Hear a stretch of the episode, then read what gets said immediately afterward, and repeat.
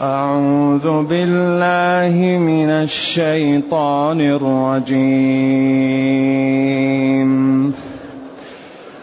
وما كان لمؤمن ولا مؤمنة إذا قضى الله ورسوله أمرًا.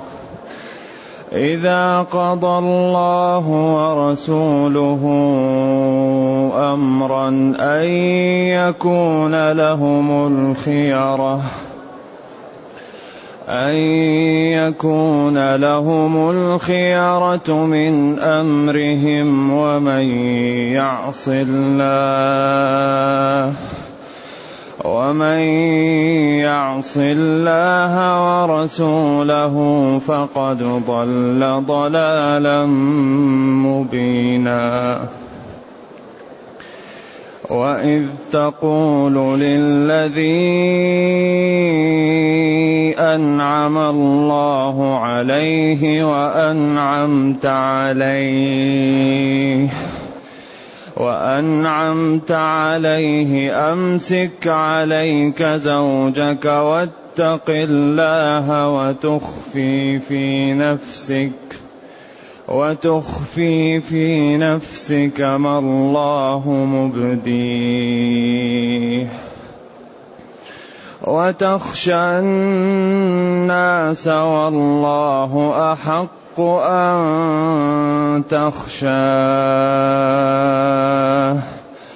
فلما قضى زيد منها وطرا زوجناكها زوجناكها لكي لا يكون على المؤمنين حرج في أزواج أدعيائهم.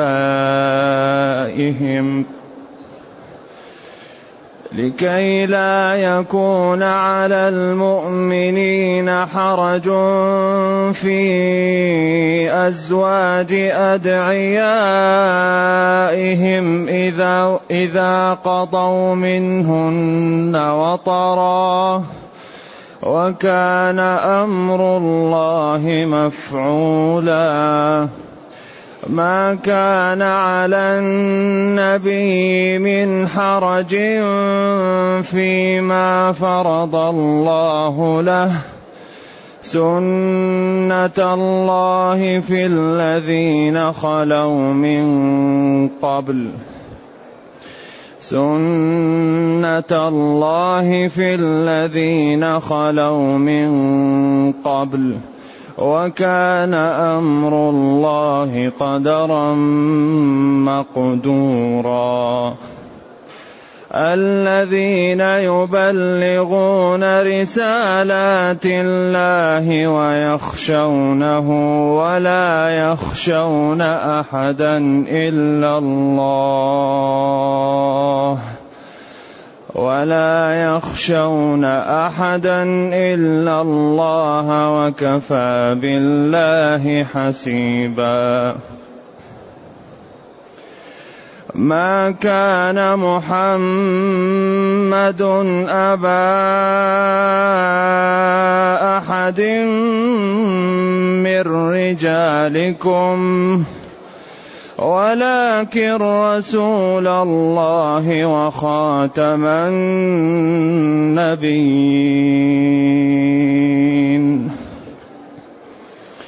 ولكن رسول الله وخاتم النبيين. وكان الله بكل شيء عليما. يا أيها الذين آمنوا اذكروا الله ذكرا كثيرا وسبحوه بكرة وأصيلا. هو الذي يصلي عليكم وملائكته. هو الذي يصلي عليكم وملائكته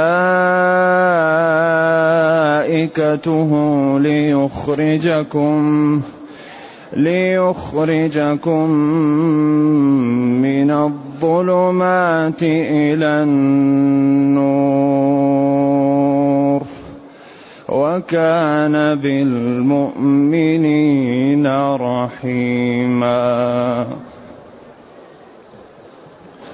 الحمد لله الذي أنزل إلينا أشمل كتاب وأرسل إلينا أفضل الرسل وجعلنا خير أمة أخرجت للناس فله الحمد وله الشكر على هذه النعم العظيمة والآلاء الجسيمة والصلاة والسلام على خير خلق الله وعلى آله وأصحابه ومن اهتدى بهداه. أما بعد فإن الله تعالى يبين في هذه الآيات قصة زيد وزواجه وخطبته زينب ويشير إلى ما وقع في ذلك. وإن كانت أسانيده بعضها محل نظر. وما كان لمؤمن ولا مؤمنة. ما كان ما صح لمؤمن ولا استقام ولا ساغ له. ولا مؤمنته إذا قضى الله أمرا وحكم به وشرعه وطلبه أن يكون للمؤمن في ذلك يعني تردد وعدم قبول. الخيارة أن يفعل أو لا يفعل. فلان له الخيارة في كذا. لا أن يكون لهم الخيارة. إذا ما صح لمسلم ولا مسلمة أن يحكم الله بحكم ويجعل في ذلك خيار. لا لا بد من التنفيذ.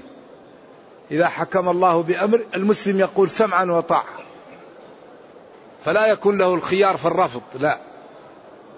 وإنما يكون له الخيار فيما خير فيه أو فيما ظهرت إباحته. أما إذا قضى الله أمر وحكم به فالمسلم يقول سمعا وطاعة.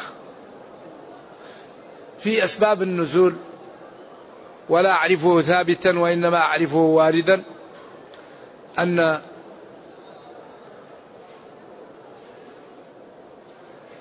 النبي صلى الله عليه وسلم خطب زينب فقبلت وفرحت فلما قبلت وفرحت فإذا هو يريدها لزيد فتلكأت وتلكأ أخوها وأسرتها فرأوا من النبي صلى الله عليه وسلم الكراهية في إيش؟ في ذلك. فقبلوا وتزوجها وقد تزوج المقداد بن الأسود ضباع بنت الزبير.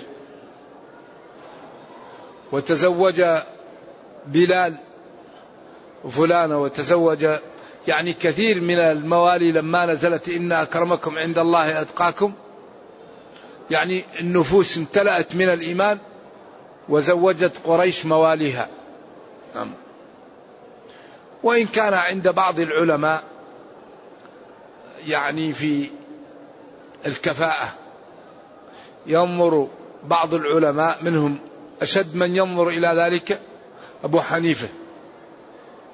وعمر لما نزلت إن أكرمكم عند الله أتقاكم قال الآن ضاع النسل. وورد في الحديث الصحيح تنكح المرأة لأربع لمالها ولجمالها ولحسبها. والحسب هو ما يعد من فضائل الآباء. تحسب. أبي فلان كان كذا وأبي فلان كان كذا وأبي فلان. فالحسب هو عد خصائل الآباء. هذا هو الحسب. و ولدينها ثم قال فاظفر بذات الدين تربت يداك. فأبو حنيفة يرى أن القرشي لا لا يتزوج القرشية إلا قرشي وأن كفر القرشية قرشي. وبعضهم يرى الكفاءة في النسب هي دين ومنصب. الكفاءة دين ومنصب. إذا كان الإنسان عنده منزلة وعنده دين هذا هو الكفر. إذا جاءكم من ترضون دينه وأمانته زوجوه كائنا من كان. إلا تفعلوا تكن فتنة في الأرض وفساد كبير ولا زالت نفوس العرب يعني عندها نفرة من أيوة من غير جنسها يعني هذه عادات واثنتان بالناس في فيهما هم كفر الطعن في الأنساب والنياحة على الميت. لذلك تجد العرب وإنما الناس من آدم وآدم من تراب. الناس من جهة التمثيل أكفاء. أبوهم آدم والأم حواء. فإن يكن في أصلهم شرف يفاخرون به فالطين والماء. ولكن في العرب وفي النفوس. تجد أنه هذه الأمور لكن من امتلأ قلبه من التقى فمن كان فيه تقى وفيه دين هذا هو أعلانا. والدنيا ما ليست شيء. لقد رفع الإسلام سلمان فارسا وقد وضع الكفر الشريف أبا لهب. لقد رفع الإسلام سلمان فارسا. سلمان منا آل البيت. وقد وضع الكفر الشريف أبا لهب. تبت يدا أبي لهب وتب. ما أغنى عنه ماله؟ نعم. إذا ما صح ولا استقام لمؤمن ولا مؤمنة إذا حكم الله بحكم وشرعه أن يتلكأ ويقول لا وأن يكون له في ذلك الخيار في تركه وإنما ينفذه ويقول سمعا وطاعة. ومن يعص الله ورسوله فيما أمر به أو فيما نهايا عنه فقد ضل ضلالا بعيدا عن الحق. ثم عاتب نبيه عتابا خفيفا على ما قال لزيد حينما اشتكى زينب وهنا وقفة مع المفسرين أغلبهم قال كلاما لا يصح مع فضلهم وعلمهم وجلالتهم. يندر مفسر إلا قال كلام في هذه الآية لا يصح. ولذلك العلماء قد يخطئون.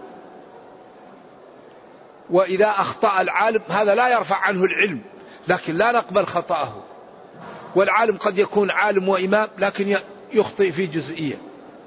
فلا نرفع عنه اسم العلم لأنه أخطأ في جزئية.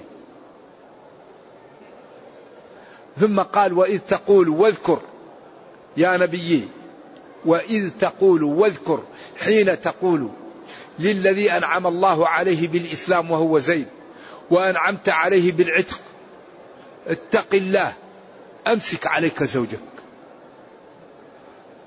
وإذ تقول للذي أنعم الله عليه بالإسلام وأنعمت عليه بالعتق أمسك عليك زوجك واتق الله وتخفي في نفسك ما الله مبديه. لاحظوا معي لأن هذا الموضع يعني جل المفسرين أخطأوا فيه. وتخفي في نفسك لا تنسى قول الله ما الله مبديه. ما هنا هذا المبهم الذي الله مبديه أو الشيء الذي يبديه الله والله لا يخلف الميعاد. إذا وعد بأنه يبدي شيء لا بد أن يبديه. وتخشى الناس في قولهم إن محمدا تزوج ابنة متبنيه. والله أحق أن تخشاه. في أن لا تقول له أمسك عليك زوجك بعد إخباري لك أنها تكون لك زوجة.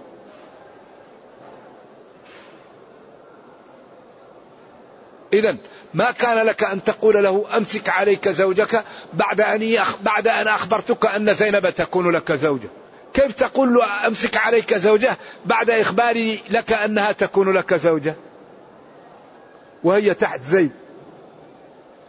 بعدين الله قال فلما قضى زيد منها وطرا زوجناكها ولا قال أحببتها أو مالت نفسك لها أو عشقتها أو علقت نفسك بها.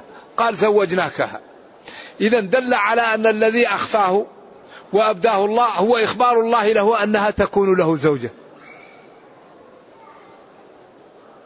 أما ما يقوله أنه انكشف الستر وقال سبحان مقلب القلوب. هذا لا يصح ولم يأتي في الآية ولم يقع منه شيء. وإنما هي إسرائيليات. وإنما أراد الله جل وعلا أن يبطل التبني بكل شيء. فأولا قال ادعوهم لآبائهم. ثم أمر النبي صلى الله عليه وسلم أن يتزوج زينب وعقدها الله وله. من فوق سبع سماوات وكانت تفتخر على نساء النبي صلى الله عليه وسلم وتقول عقدكن أولياؤكن وأنا عقدني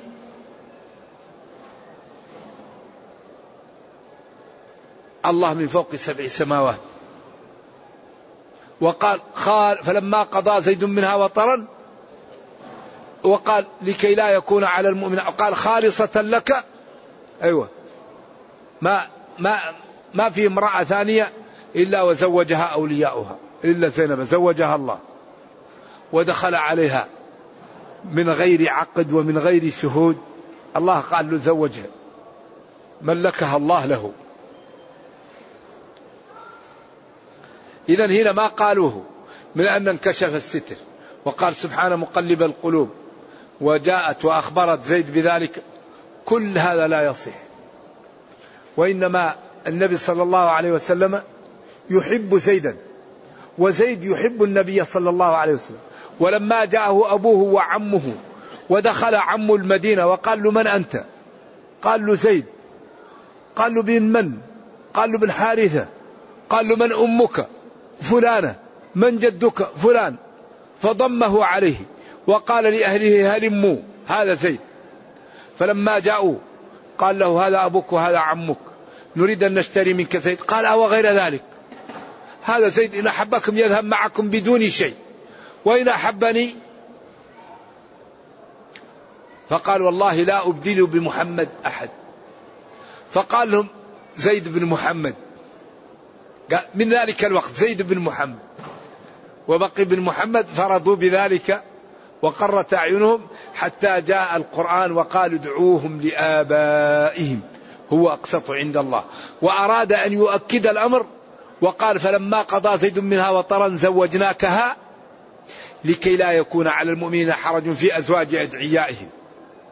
يعني ليقطع هذا الأمر ويبعده ولا يبقى له أثر. إذا قول المفسرين إنها وقعت في نفسه غير صحيح. لأن الله قال وتخفي في نفسك ما الله مبديه.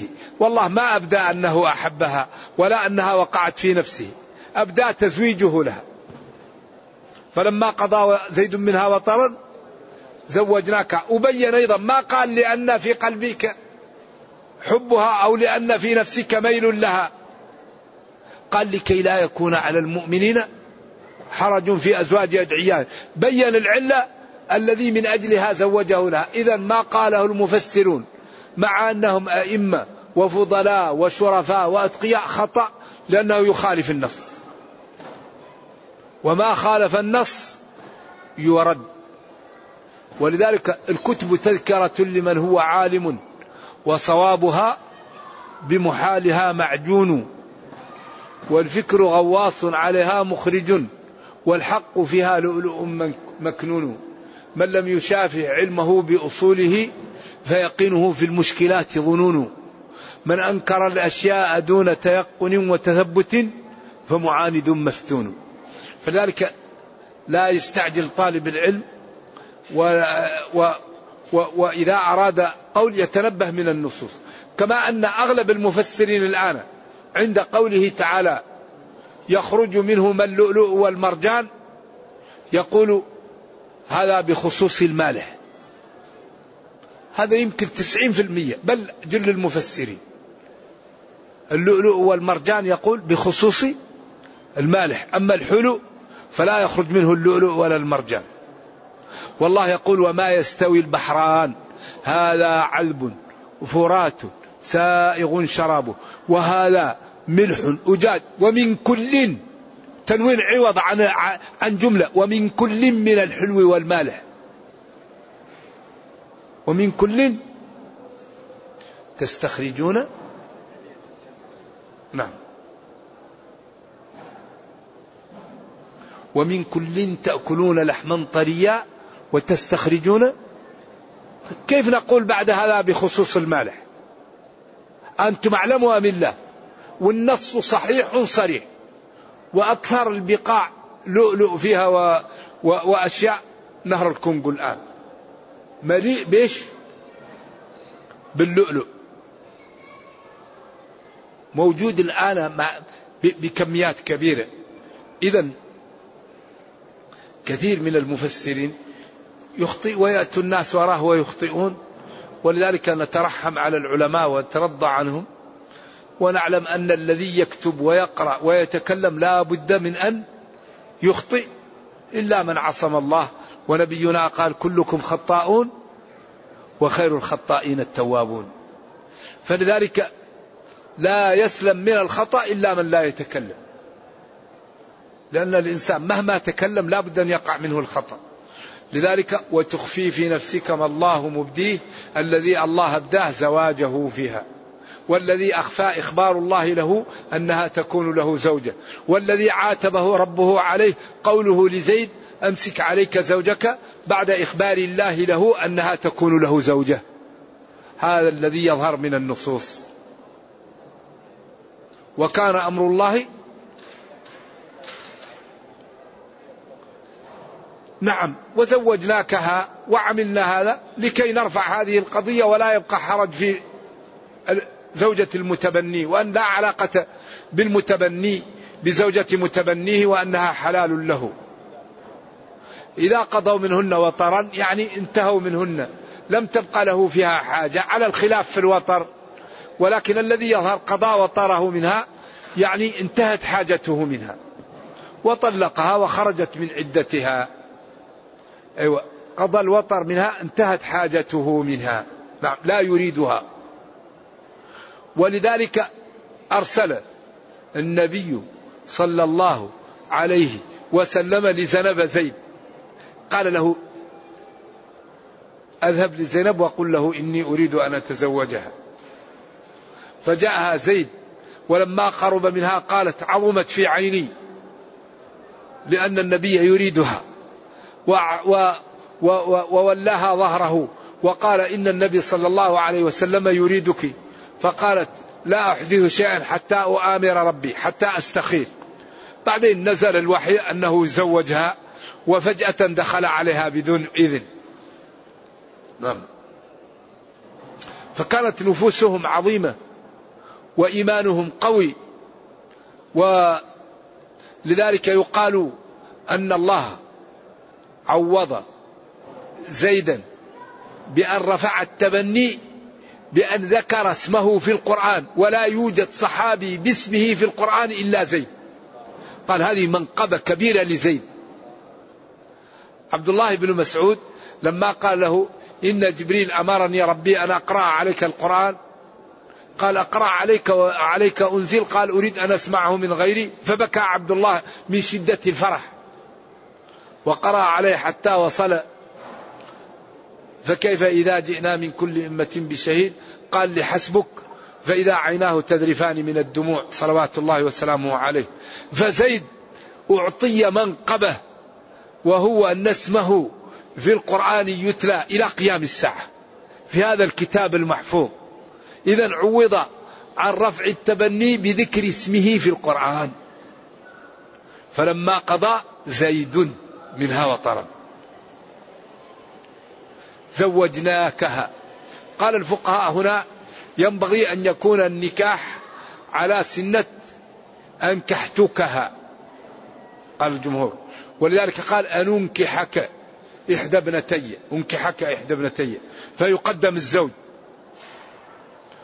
وقال ابن عطية لا يلزم هذا إلا أنه أصل الرجال يقدمون وإنما الأسلوب لا يلزم فيه ذلك. نعم. لكي لا يكون على المؤمنين حرج أي ضيق في أزواج أدعيائهم أزواج جمع زوج والزوج هو اللغة الفصيحة وزوجة لغة وليس لحن. لكن لم يأتي في القرآن. اسكن أنت وزوجك. سمع شعر الفرزدق إن من, من يسعى ليفسد زوجتي. وفي مسلم إنها زوجتي صفية. نعم. لكن اللغة الفصيحة أو الكثيرة زوج وزوجة لغة ليست لحن لكن أكثر في القرآن في الزوج. نعم.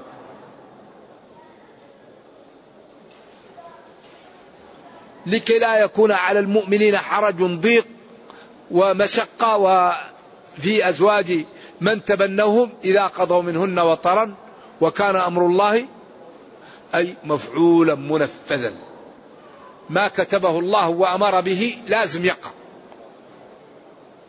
بعدين رفع الملامة عن محمد صلى الله عليه وسلم ما كان على النبي من حرج وضيق ولا عيب ولا إثم فيما فرض الله له.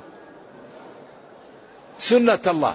في الذين خلوا من قبل من الأنبياء وفي أن الذي يفرضه الله على العبد لا حرج فيه ولا إثم ولا بد أن يفعله. وكان أمر الله قدرا مقدور لا بد أن يفعل. الله إذا أمر بشيء وكتبه لا بد أن يفعل. نعم. أي الذين يبلغون رسالات الله سنة الله في الذين خلوا من قبل. الذين يبلغون رسالات الله. يبلغون شرع الله لخلقه. ويخشونه. يخافون الله. ولا يخشون أحدا إلا الله. هذه هي الشريحة التي ينبغي أن يقتدى بها.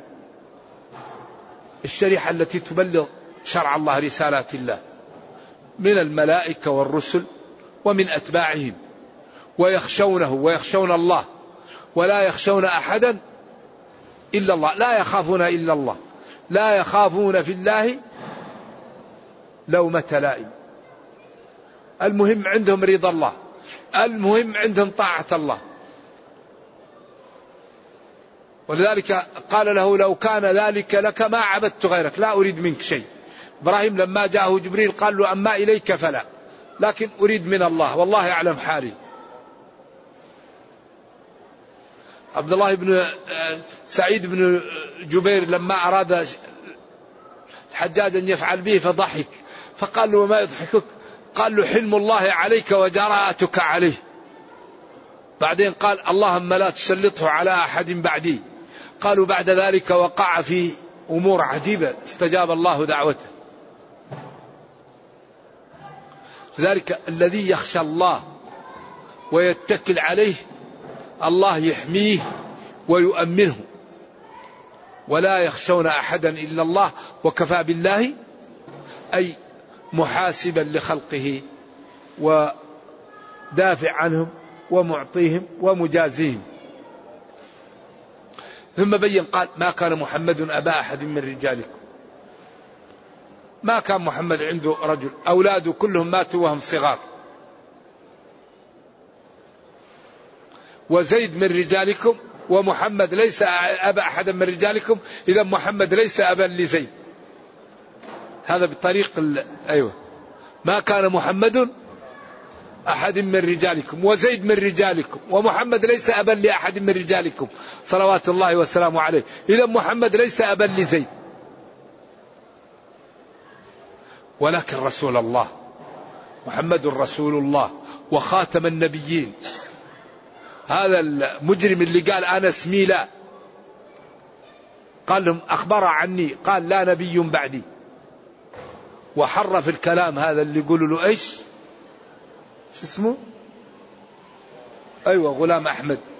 قال كان يسمي نفسه لا. ويقول لهم أخبر عني النبي قال لا نبي بعدي. وهذا تحريف للكلام. الله قال وخاتم النبيين. وهو قال لا نبي بعدي. ونزلت عليه الشريعة باقية إلى قيام الساعة. ونزل عليه كتاب تبيان لكل شيء. القرآن تبيان لكل شيء. ونزلنا عليك الكتاب تبيانا لكل شيء. الشافعي قال والله لا تسألوني إلا أجبتكم من القرآن. أقسم. وقال والله لا تسألوني إلا أجبتكم من القرآن. وقال وأوحي إلي هذا القرآن لأنذركم به ومن بلغ. فيأتوا ناس دجالين ويدعوا النبوة ويدعوا الرسالة ويدعوا علم الغيب. ولذلك هذه الشرائح لا بد لها من برامج جادة حتى يبين زيف ما تدعي وخطأه وضلاله. لا بد للمسلمين من أن يتعاونوا وتعاونوا عليش على البر والتقوى. تعاونوا. كونوا مع الصادقين.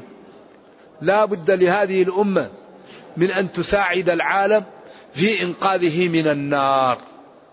النار عياذا بالله ألمها شديد وحرها ورائحتها وما فيها من الحيات والعقارب والماء الحار.